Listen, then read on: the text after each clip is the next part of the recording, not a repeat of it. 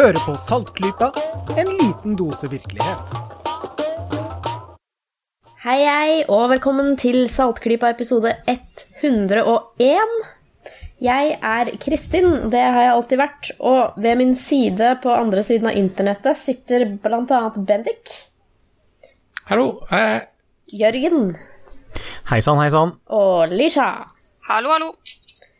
Så fint. Har dere kommet dere etter de den tre dager til ende-feiringene vi hadde sist episode, eller? Eh, ikke egentlig. Nei, det er Jeg skulle legge lille barnet i stad, og da sovna jeg før henne. Det er sånn det er. Ja. Det kan skje det meste. apropos barn. Marit Bjørgen er gravid! Yay! Yeah. Yeah. Yay. jeg fikk med meg det òg, sånn helt ufrivillig. ja. Det var ikke helt den største entusiasmen her, nei. Ja, men jeg er ikke sånn sportsing-person. Uansett da, om man er det eller ei, så syns jeg egentlig ikke at det hører hjemme på Dagsrevyen. Eller sånn toppsak med svart bakgrunn på nettavisene, for eksempel. At, det- Mhm. ja. Men eh, nå, det blir jo synsig. Det er veldig hyggelig, da, Veldig hyggelig for dem. for dem. ja, absolutt. Og de ville jo tydeligvis at det skulle offentliggjøres, så det er fint. Kan vi slutte å snakke om det nå? Det kan vi godt gjøre. Skal vi snakke litt uh, nerd til nerd i stedet? Det gjør vi gjerne. Ja. For vi eh, har litt eh, Vi tenkte vi skulle snakke litt mer om sånne grunnleggende, hva skal jeg si, kritisk tenkning-verktøy å ha i bakhodet i dag. For det, det går gjerne en stund mellom hver gang vi tar opp sånne grunnleggende temaer, så tenkte vi skulle gjøre det. Eh, men først så tenkte jeg jeg skulle ta litt eh, nyhetssaker, for det er jo på sin plass. Eh, kan jeg bare nevne siste nytt i Space? Ja, gjør det. Ok, for det, man må jo Jeg gjør det fordi det, jeg er meg. Uh, så, ja, men jeg har tre ting. Det ene er uh, da siste nytt om Pluto. Fordi uh, Pluto får snart besøk av oss. Det har jeg nevnt før. Men Har vi med kjøttbein til Pluto? vi har med masse kameraer og instrumenter. Vi skal ta veldig mange bilder. Og det, gjør, det gjøres nå helt kontinuerlig omtrent. Eh, frem til da eh, selve flybyen, som er eh, Jeg tror det er sånn Jeg tror det er 13. juli, og så får man liksom resultatet den 14. juli. Eller så var det 14. og 15. Jeg er ikke helt sikker. Men eh, grunnen til at jeg nevner dette igjen nå, da, er at det, det er veldig gøy. Man, man ser altså Siste saken som er lagt ut, som jeg ser nå, er i dag. Da ser man, eh, da, da ser man stadig flere detaljer på overflaten av Pluto og, og Karon, da, som er eh, eh, på en måte den andre halvdelen av dobbeltplanetsystemet. Eh, det er mer enn en dobbeltplanet, nesten, enn en måne. Eh, og eh, Hva, jeg har et spørsmål apropos her. Hva Ja. heter den sonden som er på vei dit nå? den heter New Horizons. Er det New Horizons? Fordi det var et quiz-spørsmål for meg i forrige uke. Ah, ja. Og jeg svarte New Horizons, men det sa ikke fasiten. Men nå husker ikke jeg hva fasiten sa. Noe som var feil, i hvert fall. Noe som jeg mener da var feil. Nå var dette veldig nyttig i og med at jeg Ja. ikke tok med hva fasiten var, men uh, Den, den, mener det var ja. quizen i Morgenbladet kanskje forrige uke. Hvis jeg ikke husker helt feil, så mente jeg at den hadde et annet navn da den ble skutt opp. Og da den ble skutt opp, nemlig, så var Pluto fremdeles eh, en planet. Det kan hende det, det var det det var. Men jeg er ikke helt sikker. Eh, Det jeg er sikker på, er at jeg bare skulle si til våre lyttere at hvis dere vil følge med på hvordan det går, eh, så er eh, følgende sted veldig nyttig sånn um, i norsk sammenheng å, eh, å følge med på, nemlig Norsk Astronomisk Selskap sin Plutovake. De har en sånn nettvake frem til eh, dette her skjer, da. Og blogge litt om det og ja, komme med litt eh, fortløpende oppdateringer. Man kan bruke det som en hashtag også, hvis man vil. Plutovake, altså. Um, så det blir veldig spennende. Fremdeles så er altså de siste bildene ganske blurry og sånn. Vi håper at det blir meget bedre. Eh, en annen liten tert eh, som vi har hørt fra igjen, er jo noe som jeg også har eh, snakket om før her, nemlig Fila som eh, landet ganske ugrasiøst på eh, kometen 67P.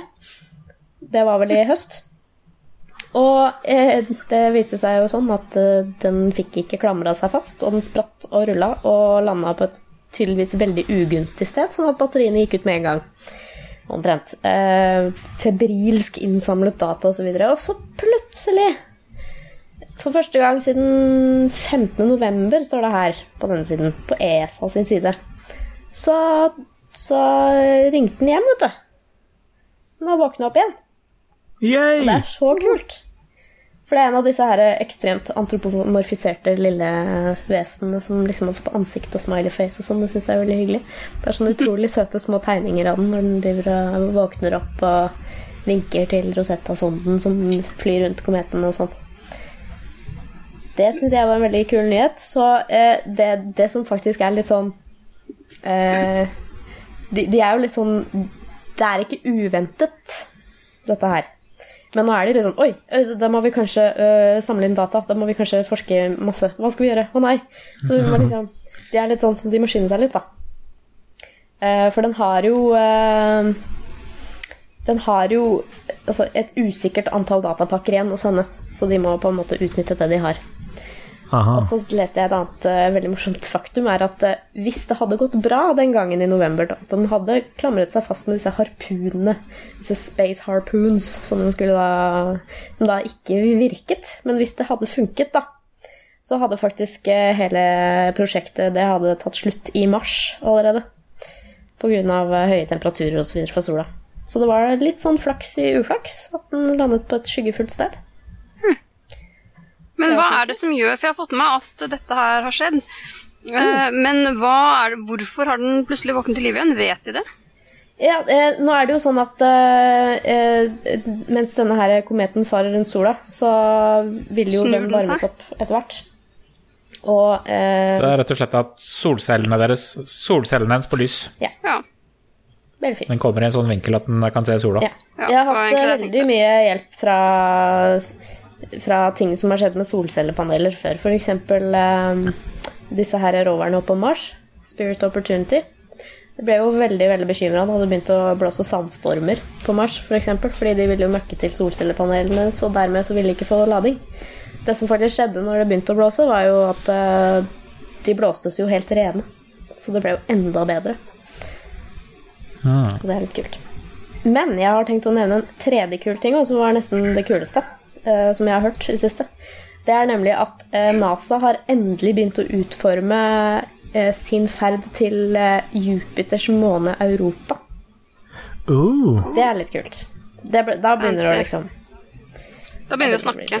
Da begynner vi å snakke. Det er jo selvfølgelig ikke like langt Ja, det er jo et av eh, ja, eh, Europa er jo et av de stedene i solsystemet i hvert fall som har høyest sjanse for at man kan finne liv. Det er det. Det Er er det veldig veldig interessant fordi eh, de vet at eh, Europa har et ekstremt tjukt eh, islag på seg, på hele overflaten. Og under der så er det sterke bevis for at det er en eneste svær sjø. Og det er kult. Så Og det, vann, det er gode muligheter, eller vann er en nødvendighet, som vi vet i hvert fall, på liv. ja. Ja. Og selvfølgelig så hadde sollys også vært en veldig fin ting. Eh, Det vet vi jo her på jorda, men det vi også vet her på jorda, er at det fins jo eh, dyr og vesener som lever der solen aldri skinner, bokstavelig talt. Eh, og det de får energien sin fra da, er jo kjemiske reaksjoner fra slike her, sånne vents, hva er det heter på norsk? Sånne vulkanske, undersjøiske Ja. Sånne små utløp da, fra jordens indre. Så varmes opp og får energi fra det. Så det ser man slett ikke bort ifra. Kan være um, tilfelle på sånne steder som månene til Jupiter. Jupiter selv er litt dårlig på liv. Det er litt sånn en stor ball av hydrogen Ja. og helium, liksom. Det, Det er så det er jo faktisk ikke mulig å, og for noe å leve på Jupiters overflate, for Jupiter har ingen overflate. nei, den bare den, den er litt sånn som Den er liksom en sånn ekstrem kald versjon av en stjerne, på en måte, da. Eh, så det blir bare tettere og tettere gass, rett og slett. Helt til det blir solid et eller annet sted der, men uh, ja. Innen den tid så har du knust. Ja. vil ikke det. Men de har begynt å, å liksom bestemme seg for eh, til og med funnet forkortelser for alle de vitenskapelige instrumentene som skal eh, herje oppå der og sånn. Jeg tror de har Og så det er jo det viktigste av alt sammen. Er det noe romfartsmennesker elsker, så er det å finne eh, morsomme forkortelser. Sånn eh, for eksempel eh, Jeg skal se her. Det er noe som heter Reason. Det er jo fint. Det er Radar for Europa Assessment and Sounding. Kolon. Ocean to near surface. Så de, de, de tweaker det til sånn at det former et ord. Ja, også et kult ord. Det kan ikke bare være Gjerne et vitsord, det må være et kult ord.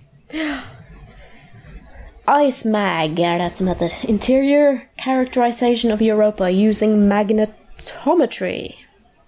Så her er det planer, altså. Og eh, skal jeg se Skal vi se, skal vi se Etter en eller annen gang i 2020-årene så regner man med at man da vil få en eh, oppskyting. Så der får vi se. Ja. Da får vi se om eh, Vi er eh, på plass og eh, har nok penger til å være på plass på oppskytingen og reporte direkte. Skal vi ikke Det skal vi være, vet du. ha et mål om det? Vi skal livecaste den oppskytingen. Yes. Nei, fra, fra våre kunstige drømmer til andres kunstige drømmer. Eh, Jeg har hørt at eh, det er noen ganske syke bilder som flyter rundt på nettet nå. Ja, det, det er mange artikler som påstår at uh, Google drømmer. Uh, Googles kunstig intelligens drømmer. Uh, de, Google har jo noen ganske fantastiske prosedyrer laget etter hvert med å analysere data, og bl.a. bildeanalyser. Det viser seg at uh, Googles kunstig intelligens uh, har drømmer, på en måte. Det her er ganske kult. Uh, Google har jo utvikla noen ganske avanserte prosedyrer for bildegjenkjenning og sånne ting, og har bl.a. et system som har en kunstig intelligens som illuderer hvordan menneskehjernen fungerer. Når det skal analysere et bilde og prøve å skjønne hva som er i bildet, for å finne igjen personer eller tilsvarende elementer i andre bilder osv. Uh, og så har uh, folka i Google moret seg litt med å se på kan vi reversere prosessen. Uh, hva skjer hvis vi får denne intelligensen til å lage bilder? Og nå har jeg ikke skjønt akkurat hva de har gjort til enhver tid, men det virker som de primært har fora denne kunstige intelligensen med hvit støy, altså bare støyende bilder, det er ikke noe mønster der, og bedt Google om å finne noe. Og det den finner, er altså helt absurd. Finner en masse greier og kobler ting sammen som ikke hører sammen. Så du har liksom eh, kobla fisk med grisetryner oppi himmelen under en traktor, og det er liksom bare Hæ? Hva i all verden er dette her for noe? Hvis jeg skal beskrive et av disse bildene jeg ser her, så, så virker det som om det er sånn pareidoli på syre. Ja, Vil nok være en ganske bra beskrivelse av dette her. jeg tenkte også på pareidoli da jeg så Ja. det. Det er derfor jeg syns det var litt morsomt å, å eh, snakke litt om, fordi det handler jo om mønstergjenkjennelse. Ja. Og her har vi da en datamaskin som prøver å illudere hvordan menneskehjernen fungerer, og, og finner en masse ting som ikke er der. Og det vet vi jo egentlig at det er relativt liksom hvordan menneskehjernen faktisk fungerer. Vi har en effektiv mønstergjenkjenning som ganske ofte viser noe der det ikke er noe. Og så er det opp til vår logiske sans å si at nei, der så jeg nok feil. Og så er det en del som ikke da oppfatter det, men som da tror at nei, det jeg så, det var det jeg så, og jeg kan ikke ta feil, videre. Det er, altså, det, det er jo det som er ganske interessant i utviklingen av eh, kunstig intelligens. Da. Mm. At eh, altså, maskiner kan bli så raske til å regne ut ting og sånn de bare vil i forhold til menneskene. De er jo helt syke på det. Men sånne ting som mennesker gjør helt automatisk på en brøkdel av sekund, som å løfte armen, eller å se en eh, bokstaven A som er veldig rart forma, så ser vi at det er bokstaven A med en gang. Sånt er jo nesten umulig for eh, datamaskiner i dag, og det er jo det som har vært den ekstreme utfordringen da, i utviklingen av sånn, sånn type maskinintelligens. Ja. Det er det som er vanskelig. Det er liksom omvendt på en måte av, av sånn som menneskene funker. Det var gitt et veldig gøyalt eksempel uh, i, i den artikkelen som ble linka til der. Uh, når de ba Når ingeniørene til Google ba algoritmen om å tegne f.eks. en manual som man bruker til vektløftning, Ja. Ja, den var så, så tegna den med en arm kobla til. For det er jo det den er jo eneste gjerne måten. sånn, det er jo gjerne sånn man ser hvis man søker på bildesøk på Google etter håndmanualer. Ja, nettopp. Det er jo Så ser man gjerne en arm med en biceps på, Da- som eh, holder Da er den avbildet med en biceps, og ergo en manual inkluderer en biceps. Ja. Det, synes Det er jeg var, det er liksom mulig å skjønne hva som, eh, som har skjedd her, da. Selv om det er litt eh, snodig. Uansett, det er en eh, kul og litt speisa sak. eh, Anbefalt lesning. Vi lenker til den, selvfølgelig. selvsagt. Så Ellers er det en annen sak jeg kom over som jeg uh, syns var litt bra, da. Uh, det hender jo at avisene får det for seg at de faktisk skal uh, sjekke ting. Det syns jeg er en veldig fin uh, tendens som man av og til har. Og nå er det Nettavisen. Gang. Som har sjekket eh, påstander om eh, de rumenske tiggerne i Oslo. For der har det vært diverse påstander om hvem de er og hva de gjør osv. Og så er det da Hva se, var det som har gjort det? Det er eh, Fafo som har gått gjennom sju vanlige påstander og sjekket sannhetsgehalten i dem. Og la oss si at det aller meste av det er feil, altså. Det er myter. Ehm, for eksempel eh, at de rumenske tiggerne ikke er fattige i virkeligheten, eh, men bygger seg palasser i Romania for de pengene de tigger. Eh, Stort sett bare tull. Det er sikkert noen som bruker litt penger på å fikse opp boligen sin når de kommer tilbake til Romania, men det er De er ikke rike mennesker. Eh, også at pengene går til bakmenn. Nei, det ser ikke ut som de gjør det, men det, de nok, en del av dem har nok gjeld til folk som har hjulpet dem til å komme seg hit, som de må betale ned, men bortsett fra det så er det ikke snakk om noe bakmenn, så vidt de har funnet ut. Um, så er det påstand at romfolk ikke vil ha jobb, men foretrekker å tigge. Uh, det har de ikke funnet heller. Det virker som de faktisk er interessert i å få jobb, men det er selvfølgelig veldig vanskelig. Uh, så er det påstand at tigging er bare et dekke for kriminelle aktiviteter, og det har de heller ikke funnet, men det er også vanskelig å undersøke nærmere. Så den er litt åpen. Og så er det påstanden om at hvis rumenske tiggere Altså hvis de gir penger til rumenske tiggere, så vil det bare komme flere. Og det er en påstand som de eh, til dels støtter. Det kan nok være at man er med på å opprettholde et problem. Hvis det er man skal anse tigging for et problem, så opprettholder man det ved å gi til tiggerne. Uh, og så videre. Men uh, fin artikkel. Uh, anbefaler folk å lese den. Og hvis det er kommentarfelt til den, så regner jeg med at det ikke anbefales å lese det. Eller Eh, Der var det kommentarfelt, ja. Det er det som regel. Nettverk, propaganda Ikke, ikke les den, ikke les det kommentarfeltet, nei. Nei, nei. For man har jo sett det som skjer, og da er denne forskningsrapporten falsk. Ja, det som er et, mange kommentatorer påpeker, som faktisk er et problem, er at de har forsket på dette ved å spørre folk. Altså De har spurt de som det gjelder. Og Det er klart det er veldig vanskelig å skjønne hvordan man ellers skal forske på dette, men du kan jo ikke ta det for god fisk automatisk. Eh, Det blir jo, jeg regner jo med at hvis jeg f.eks. dro ut på eh, Ila og foretok en lignende undersøkelse, så ville jeg kunne finne ut at eh, sikkert over 90% av de som sitter der, er helt uskyldige. Så Jeg er ikke helt sikker på det, men uh, jo, men spørreundersøkelse det er i Norge, så, altså. tror jeg nok uh, mange vil mene det. Men uh, det som generelt, da det er veldig bra at de tar et sånt initiativ til å eh, komme litt mer til bunns. Jeg er faktisk overrasket over at Nettavisen gjorde det, faktisk. Eh, for Ja. de er liksom ikke den som man først forventer skal prøve å komme til bunns i tingene. eh, hvis dere skjønner hva jeg mener. Det er Eh, ofte sånn altså, nei, at det ikke er helt uh, men vi kan jo håpe da at Gravende. dette er tegn på at man kanskje vil ikke beskrive For det her er jo et veldig komplekst problem. Uh, og at man ikke vil ta det så overfladisk som man gjør nå. For jeg irriterer meg utrolig med det her. er bare et eksempel, da, for dette skjer eh, med egentlig alle saker i alle norske aviser. Men det er veldig typisk at journalisten bare stiller veldig overflatiske spørsmål og ikke følger opp. Og dette, her, dette med uh, sigøynertiggere i Oslo det er et veldig godt eksempel. For de sier gjerne at eh, de vil tigge fordi de trenger penger til å sende barna på skole. Eh, men skolegang er gratis i Romania. Og de sier at eh, og det er så ille, for de får ikke noe som helst barnetrygd. Og journalisten følger ikke om et spørsmål går barnet på skole. For hvis du ikke sender barnet på skole, så får du ikke barnetrygd. For det er loven i Romania.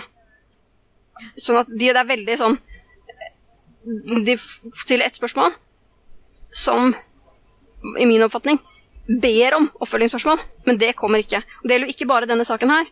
Uh, det gjelder egentlig de aller fleste saker. Uh, og det er utrolig provoserende. Uh, og det betyr jo at de som leser artiklene, de blir jo egentlig ikke noe klokere. Fordi alle artiklene er jo akkurat på samme overfladisk nivå. Så dette her var et veldig bra initiativ, at de faktisk prøver å gå litt i dybden.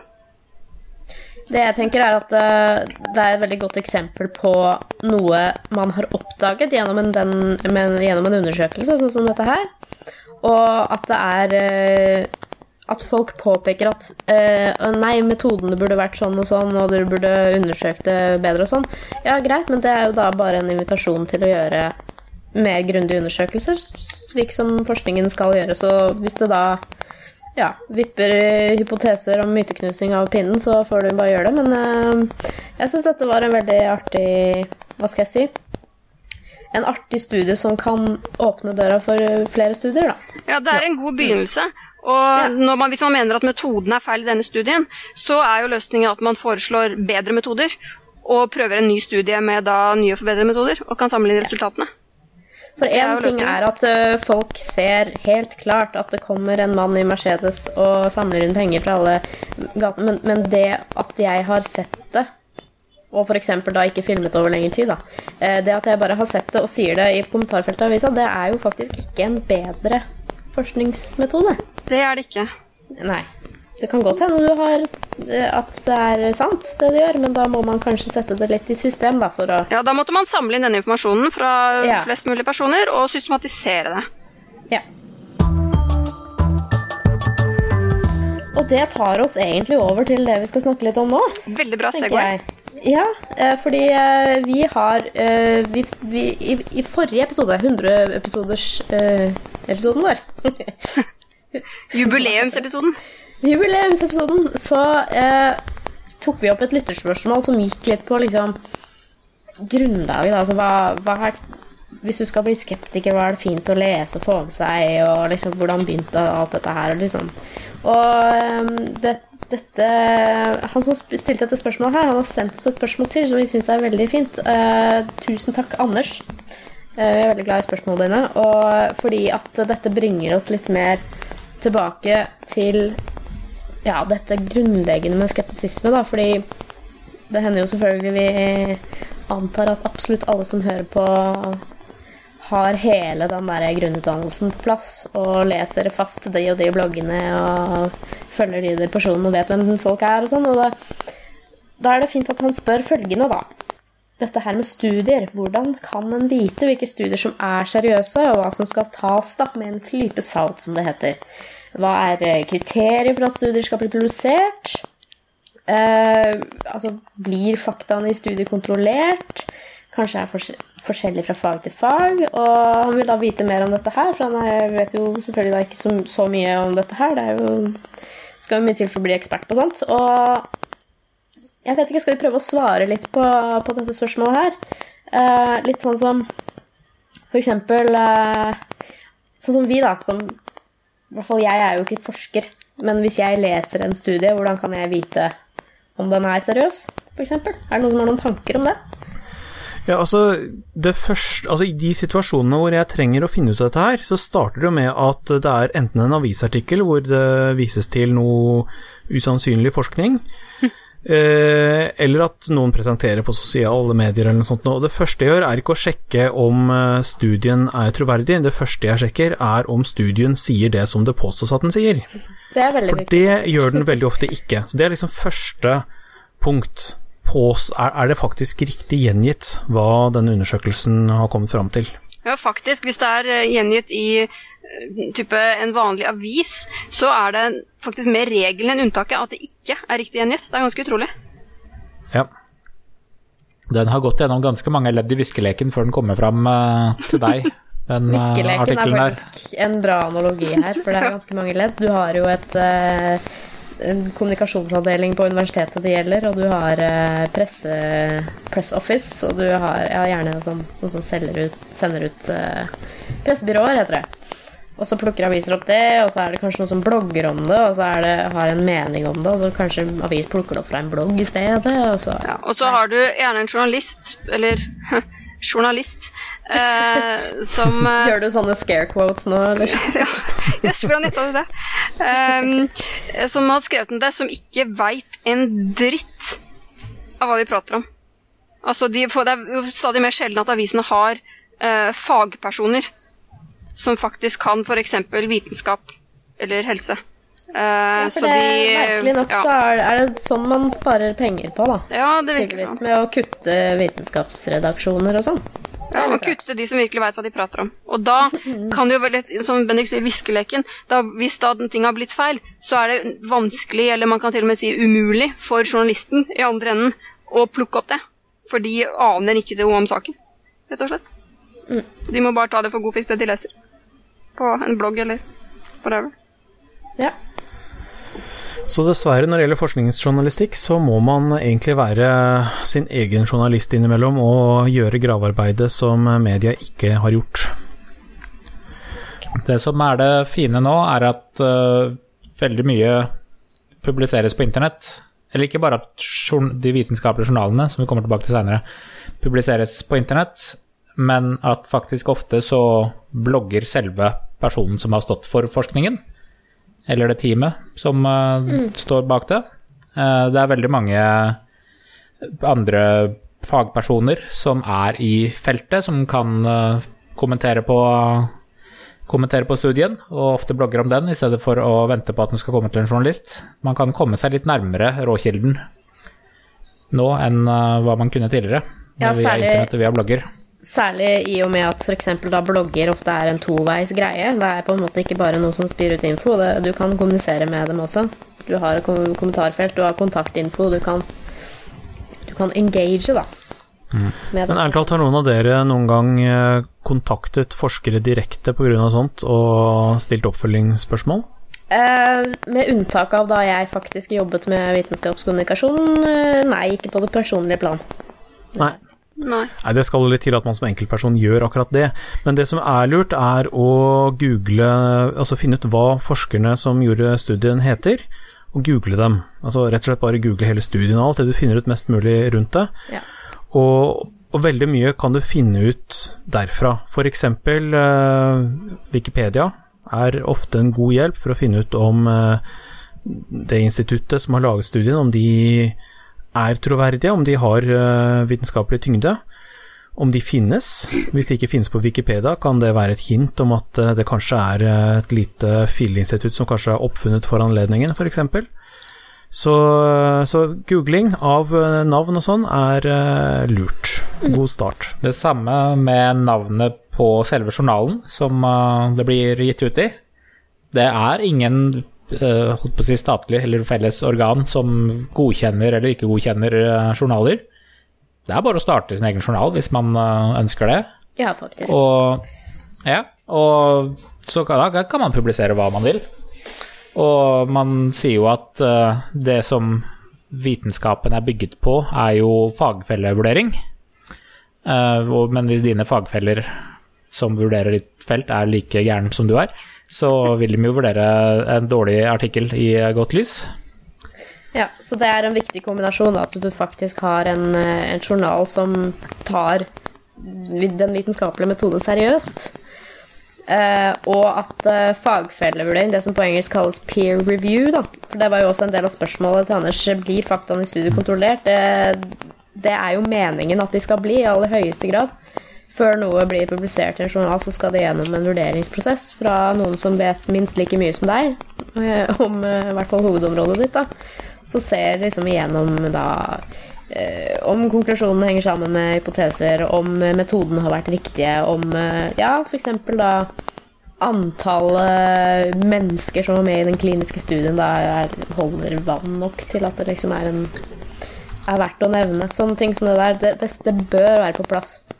Selvfølgelig så Jeg har er lyst til å nevne ja. Jeg har lyst til å nevne en follow-up-ting så, så lenge vi er på Google.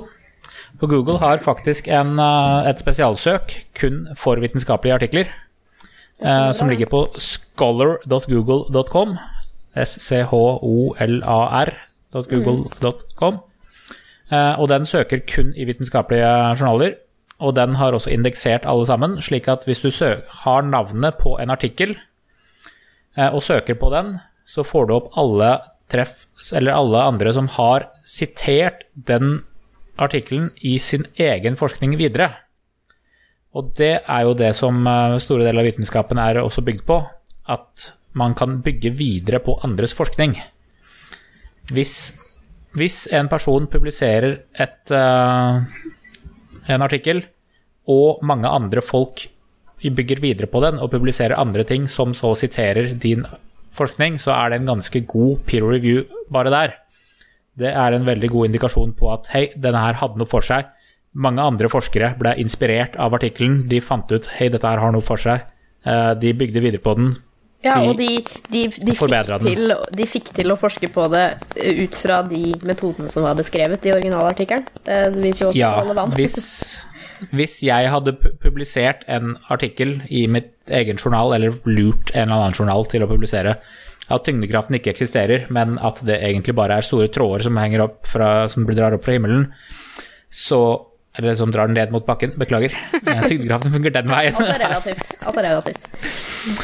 Eh, så selv om jeg hadde klart å publisere den, og selv om jeg hadde klart å publisere den i Nature, for den saks skyld, så hadde det ikke vært mulig for noen andre fysikere å bygge videre på den, fordi de ville ikke de, Eller den ville ikke blitt sitert noe sted, fordi det hadde vært umulig for andre fysikere å bygge videre på den.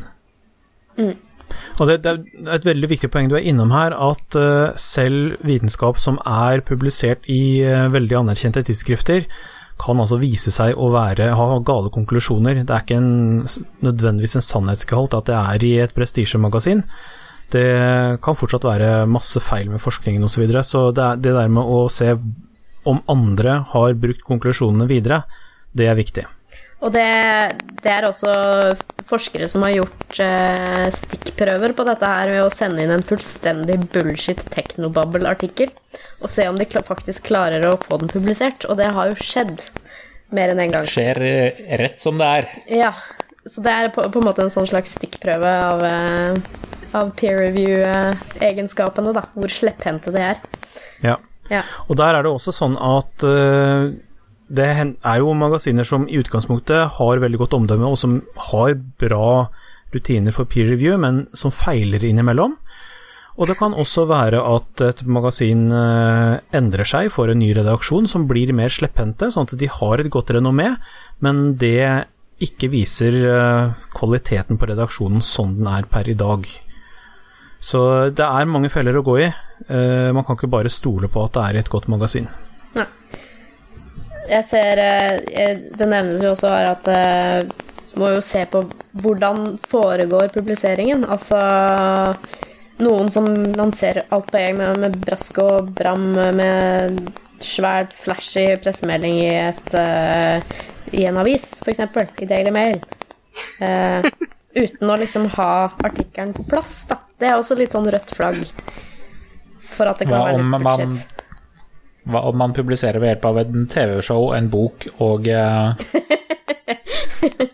Ja, for eksempel det. Det var, det var, jo ganske mange i skeptikermiljøet som uh, hevet øyenbrynene sine da Ida-oppdagelsen uh, valgte å gjøre en litt fargerik lansering av sine ja. resultater. Der skal du jo si ja. En film og TV-program og, og, en, en bok. bok, var det vel. Ja. ja. Og skal det jo sies at det var jo faktisk en artikkel også ja, det er nemlig det at uh, det hender jo man gjør en del sånn PR-saker fordi man mener man virkelig har en fantastisk sak. Og det er litt sånn tvilsomt å starte med en pressemelding, men så lenge man slipper forskningen samtidig, og at den er fritt tilgjengelig, så trenger det ikke å være noe galt i det. Men du skal ikke stole på pressemeldingen, du skal se på den faktiske forskninga. Det skal man. Eh, apropos Den er dessverre eh, ofte vanskelig å lese. Ja. En annen Og eh, mye ting man må gjennom eh, for å, for å verifisere den. Ikke sant. Eh, pressekonferanse, for eksempel. eh, Hva het de som annonserte eh, at nå har vi fått kald fusjon til å funke? Eh, på 80-tallet, var det vel? Slutten av 80-tallet. Ble selvfølgelig grundig debunka i ettertid. Eh, men de valgte liksom Jeg, jeg skjønner ikke helt logikken der, altså. Altså det, det, det er jo ikke noe mer sant hvis de annonserer det flashy. Det er kjemperart. Men det er noen som velger å gjøre det. Ja, men det er jo eh, Denne uka her har det jo vært en eh, idiotsak i Aftenposten. eh, med hvor kald fusjon dukket opp igjen, da. Det var, Og- det var derfor jeg nevnte det, fordi det, det hele Kald fusjon-eventyret begynte jo med Var det Pons og Fleischmann det het? Ja, det husker jeg ikke. Jo. Som, eh, som eh, Altså publiserte alt via pressekonferanse, på en måte. Eh, Og Kald fusjon har siden vært en sånn liten sånn et ladet tema, da, i på en måte oppfinner- og konspirasjonsteoretikerverdenen ved å liksom si at uh, dette fins, det fins fri energi. Altså, det, altså kald fusjon er jo da, kort fortalt, eh, en eh, veldig, veldig veldig effektiv måte å produsere energi på ved hjelp av fusjon ved veldig lave temperaturer. Fusjon er den prosessen vi ser foregår i sola. En utrolig mye Altså, det er utrolig mye energi og veldig veldig litt som blir utnyttet her. Eh, og de som da har påstått at man har forsket frem stabil kald fusjon, da, eh, de, blir, de ender som regel opp med å bli tilbakevist ganske kjapt. Og så er det da folk som Det kommer en person i året cirka som, eh, som mener det. Ja, ja. Eller det Og- kommer en spesifikk person i året. en, en han, han, heter, han, person hvert år. han heter Andrea Rossi og er italiener og kommer på dette her hvert eneste år.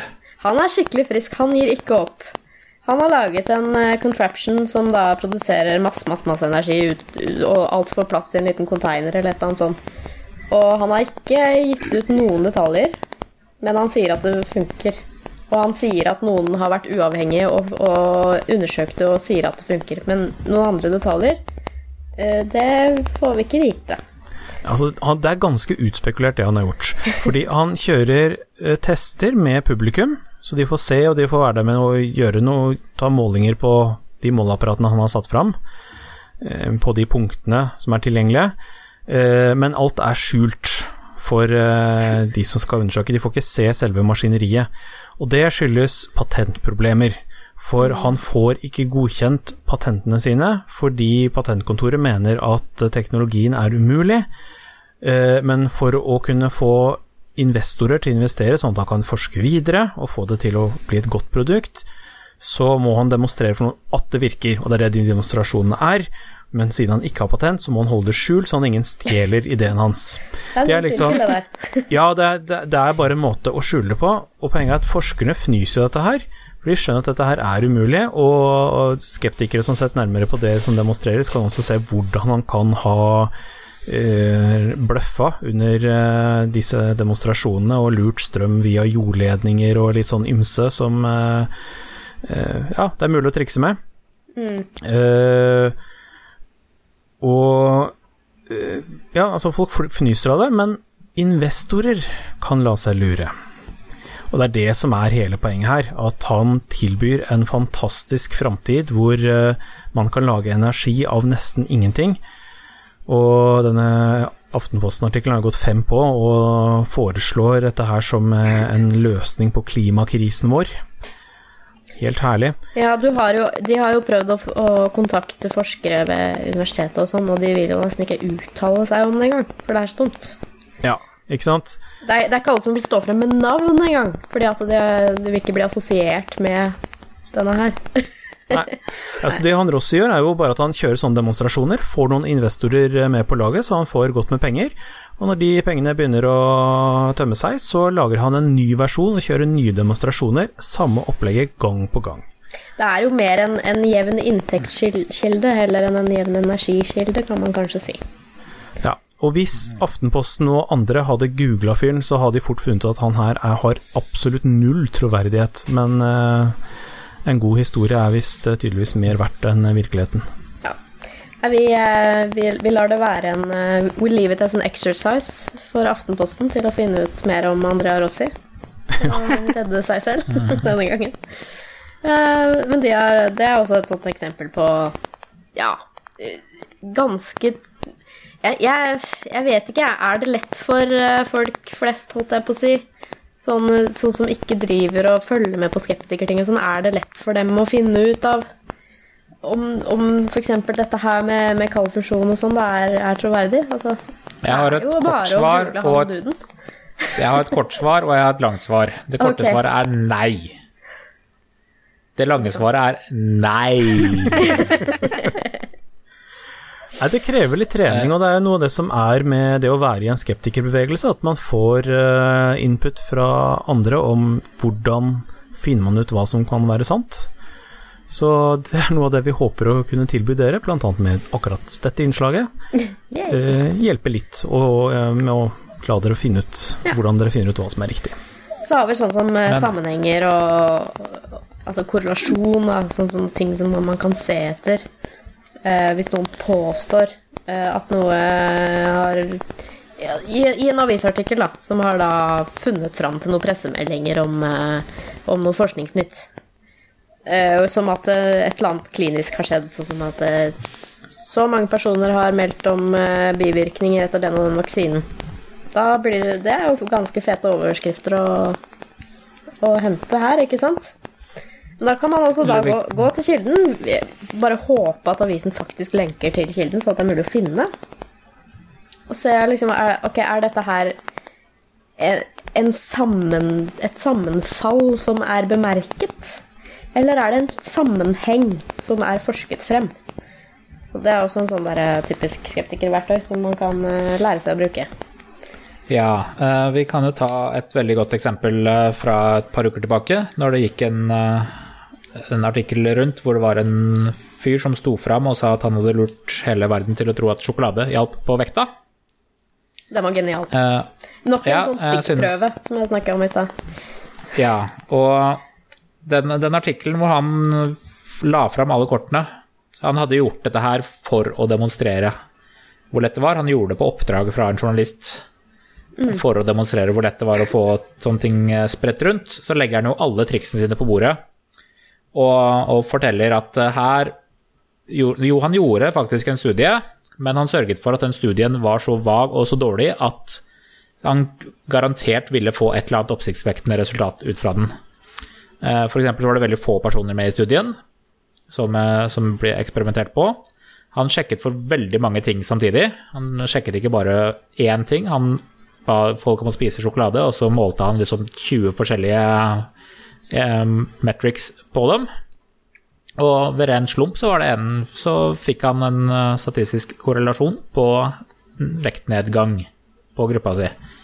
Hadde det ikke vært det, så kunne det godt ha vært eh, hårvekst, eller så kunne det vært godt syn, eller så kunne det vært hva enn de målte. Også på det, og han, liksom, han hadde så mange ting han testa for samtidig, at han var garantert for at en av dem ville sjekke ut Ville gå, bli ok, og så rapporterte han bare den. Ja, nei, det er eh, det å lese artikkelen han har skrevet, det er eh, en studie i, i, i hvordan mange andre gjør det ordentlig, ordentlig gærent. Og det er, eh, særlig innen helse, så er det veldig mange som uh, gjør det jeg vil kalle tullestudier. Det er ren reklame, egentlig. De eh, produserer en enkel studie for at eh, et firma skal kunne vise til et studie for at noe virker. Mens det er særlig skjønnhetsprodukter og sånn som stort sett ikke gjør noe som helst. Eh, sånn antialdringskremer og sånt sludder. Eh, der har de ofte noen sånne tøyseundersøkelser som typisk bruker de metodene som han hadde i den her eh, sjokoladesaken. Så Ja, det er, det er en, bo, en bok uh, som tar seg for det der i detalj, og det er vel Ben Goldacres uh, Bad Science. ja. Har, har den blitt oversatt til norsk, forresten? Ikke Bad Science, uh, men den oppfølgeren, som også er sykt anbefalt, den er vel oversatt, er den ikke det? Ja, en Bad Science tok for seg akkurat der. Den hadde mange flere kapitler bare på de der folka som, som gjorde vitenskapelige eksperimenter på bestilling fra, fra reklamebyråer og fra produksjoner ja, Fra selskaper som produserte legemidler og eller sjokolade. Ja, det er, den er veldig underholdende. Da tar han f.eks. For, for seg hvor, hvor lett det var å skaffe seg en tittel som man kunne da bruke i forskningen slash markedsføringen av det man gjerne vil selge. eh, hvor hans døde katt fikk en grad på dette. Diplom og greier. Det henger på badet hans den dag i dag, visstnok. Hvis du går til ordentlig useriøs forskning, sånn fra alternativ verden og sånn, så er det jo ofte at folk bare dikter opp titler. De kaller seg jo doktor ditt og datt uh, uten å ha noen studier i det hele tatt innen relevant fag. Så uh, det er også sånn man er, er kjekt å google opp personene og finne ut uh, om de faktisk er den de utgir seg for å være. Og så er det Ja, også kanskje, noen kanskje titler se etter hvis de f.eks. kaller seg bare forsker, eller uavhengig forsker, er også ganske sånn Ja, Ja, det kan godt hende de, de bare mener at det er fint å være uavhengig, men, men det har jeg sett før. Det kan også være de mener at eh, siden de leser så mye på internett, så er det forskning. Uh, og så er det noen eh, titler som høres fine ut, men som ikke er beskytta. Jeg tror ernæringsfysiolog, eller en eller annen sånn ernæringstittel som høres veldig fin ut, den er ikke beskytta. Det er vel, Ja, du sikter vel kanskje til det engelske 'nutritionist'? Ja, noe sånt noe. Det er i hvert fall flere Høres sånne titler veldig- som høres ja. veldig fine ut, men som ikke er beskytta her i Norge. Og da må man jo være klar over at hvem som helst kan kalle seg det, uten at de egentlig kan noe som helst. Mm. Absolutt.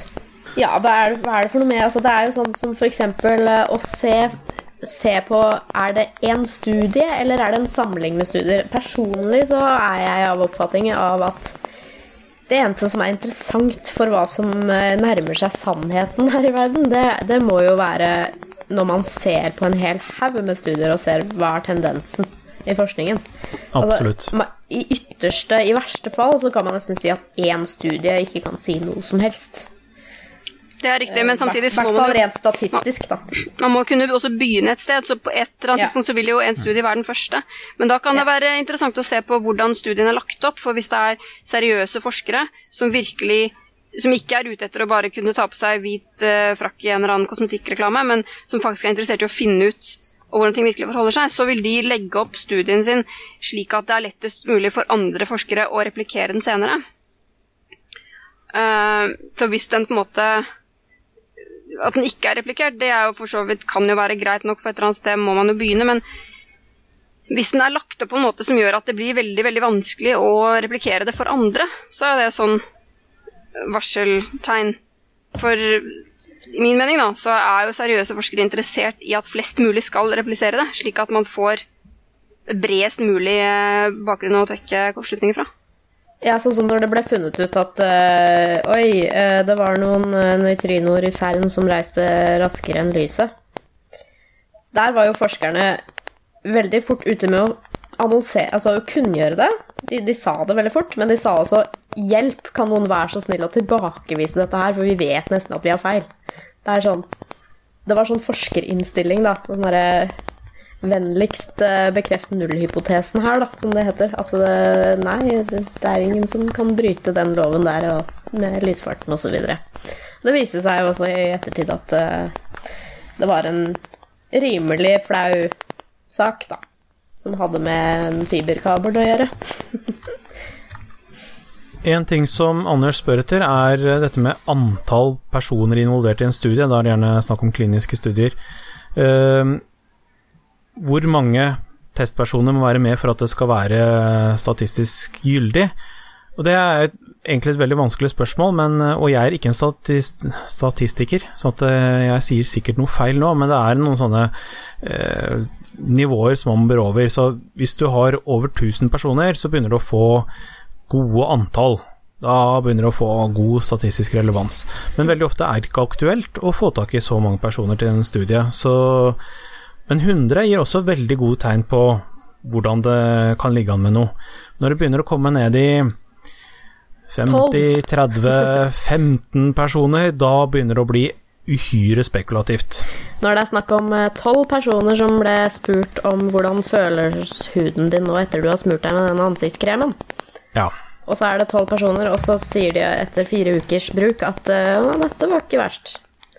Så blir det på en måte feil av kremen kanskje å si på tuben sin at det er dokumentert virkning. Nemlig. Asterisk. På 100 Ja. 100% fornøyd. Så, men det kommer jo selvfølgelig da helt an på hva man studerer, som du sier. Én ting er på en måte eh, studier av virkningen av et medisinsk preparat. Det er jo et eksempel på noe som er, drar veldig fordel av eh, større populasjoner, da. Som er testet på. Eh, en annen ting er å liksom undersøke om et fenomen fins, om en dyreart fins, f.eks. Sånne ting som det der. Det, man kan kanskje oppdage noen få arter, og så er det fint. Mm. Men vi var i stad litt innom dette her med at noen må studere noe for første gang. Det kan ikke Ja. være sånn at eh, det automatisk er replikert av masse forskere samtidig. Uh, og da snakker vi om pilotstudier. Og ofte så er det med litt uh, få forsøkspersoner eller uh, lite datasample, fordi uh, man må bare begynne et sted. Og før man har etablert at dette er reelle effekter og, og sånn, så har man gjerne ikke økonomi til å kjøre store studier. Så pilotstudier er helt legitime, men man må ta dem automatisk med en stor klype salt at ok, dette er et foreløpig innledende resultat som vi kan bruke for å danne oss hypoteser og lage nye undersøkelser senere. Men det er veldig ofte disse pilotstudiene som blåses opp på forsidene av eh, dagspressen med 'Nå skal du spise sjokolade for å bli slank', f.eks. Så det første, noe av det første man bør se etter når det er sånne sensasjonssaker, er ser dette ut som en pilotstudie, eller muligens eh, en studie designet for å være reklame. Og er det en eh, spørreundersøkelse, eller er det nøye arbeid som har eh, blitt tatt fra mange forskjellige forskere over 30 år, f.eks.? Ja. Det er, eh, men det er jo ikke det er jo ikke lekende lett, dette her. Jeg syns det er dødsvanskelig å Ja. vitenskap. Det er det. Det er veldig vanskelig. eksperter på det. Uh, men det hjelper jo å være klar utrolig over mye det. arbeid. Og der er det Av og til så har man hjelp i å ha skeptikere tilgjengelig. Altså kjenner man andre skeptikere. Eh, har man kanskje et uh, forum, Skepsisforum f.eks., eller en eller annen eh, Facebook-gruppe med skeptikere på, så kan man uh, si 'hei, jeg er usikker på den saken her, stemmer dette, hva tror dere?' Og så deler man erfaringer. er det noen som har originalartikkelen tilgjengelig? for Det er veldig mange forskere som er med i sånne skeptikersirkler, Ja. kan man kanskje si. Og, det, og for oss som, altså for meg da, i hvert fall som er en lekperson i det aller, aller, aller meste, så er jeg jo ikke ekspert, men det hjelper kanskje at jeg er klar over at jeg ikke er ekspert. Det er veldig viktig. Det er en av de viktigste ferdighetene skeptiker bør ha. Det er å vite at man ikke vet så innmari mye, og ofte tar feil. Vi må ikke stole for mye på egne konklusjoner. Nei, Jeg, jeg håper det, det funker som et slags svar, da. Og at man kan kanskje ta med seg litt uh, poenger videre. Ja, Man skal ut i den store verden og vurdere ting. Uh, jeg har en uh, annen podkast å anbefale. Jeg har anbefalt det mange ganger. Podkasten Kvakk, svensk podkast.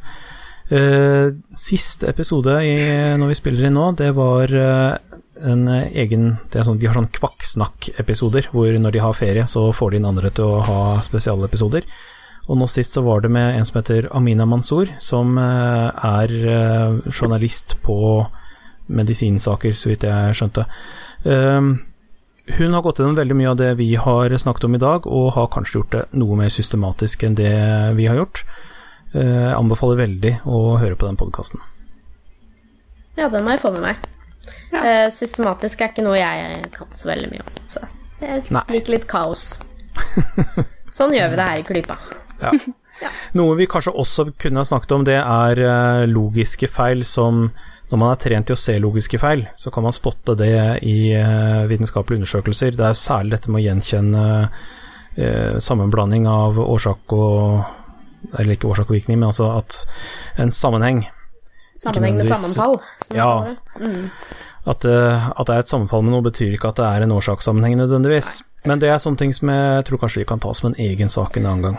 Ja, på engelsk skeptikerspråk så heter det correla correlation does not necessarily imply causation. Nettopp. Litt sånn mantraaktig kanskje, men det er faktisk uh, helt sant. Er det noen som har noen anbefalinger sånn avslutningsvis? Jeg, jeg tenkte bare at jeg skulle bare gjenta at hashtag Plutovake kan være kult for de som er litt sånn space-interessert og liker Pluto, og vil se den på nært hold akkurat når vi får se den for første gang. Plutonerder, rett og slett. Ja. Og for å si det sånn, jeg er helt on board med at Pluto ikke blir kalt planet lenger. Så det er helt greit. Ja. Ja. Ja. Men uh, andre anbefalinger? Du, du nevnte Kvakk. Ja, Den får vi sjekke ut. gjør det. Ja. Da er vi kanskje ferdige for i kveld, da. Jeg lurer på det. Ja, det gikk jo fint, dette her. Jeg håper mm. dere som har hørt på, har eh, fått eh, dratt nytte av det. Både våre spørsmålslytter og alle andre. Så eh, send oss masse spørsmål. Vi er veldig glad for det, for da kan vi ikke bare finne ut av hva svarene kan være, men også tenke litt sjøl og eh, gjenoppsøke temaer som vi kanskje har, nesten har glemt. Det er veldig greit. Absolutt. Ja, så finn oss på sosiale medier og tjo og hei og spør i vei, og tips i vei. Så tenker jeg at vi ses om en liten stund, gjør vi ikke det? Jo. Det er nok. Kanskje litt Da sommerferie nå, da, fremover. Det er litt, litt litt, ujevne litt sånn der, eh, opptak fremover, Sporadisk. Ja. må vi advare om.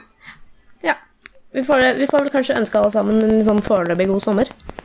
Ja, ja god sommer. tilbake. Hvis det blir sommer i år, ja. Vi får, vi får drømme om det. Vi får drømme om det. ja. Ja, Ok, folkens. Ha det fint. Ha det bra. Her er alle sammen. Ha det. Saltklypa lages av Kristin Lisha, Jørgen og Bendik. Har du spørsmål, anbefalinger, vis eller ros, send det til post at saltklypa.no, eller finn oss på Facebook. Lenker til alt vi har snakket om i episoden finner du på saltklypa.no, hvor du også kan abonnere på podkasten for å få hver episode levert på døra helt gratis. Takk til Smart 9000 fra Evig poesi som har laget kjenningsmelodien.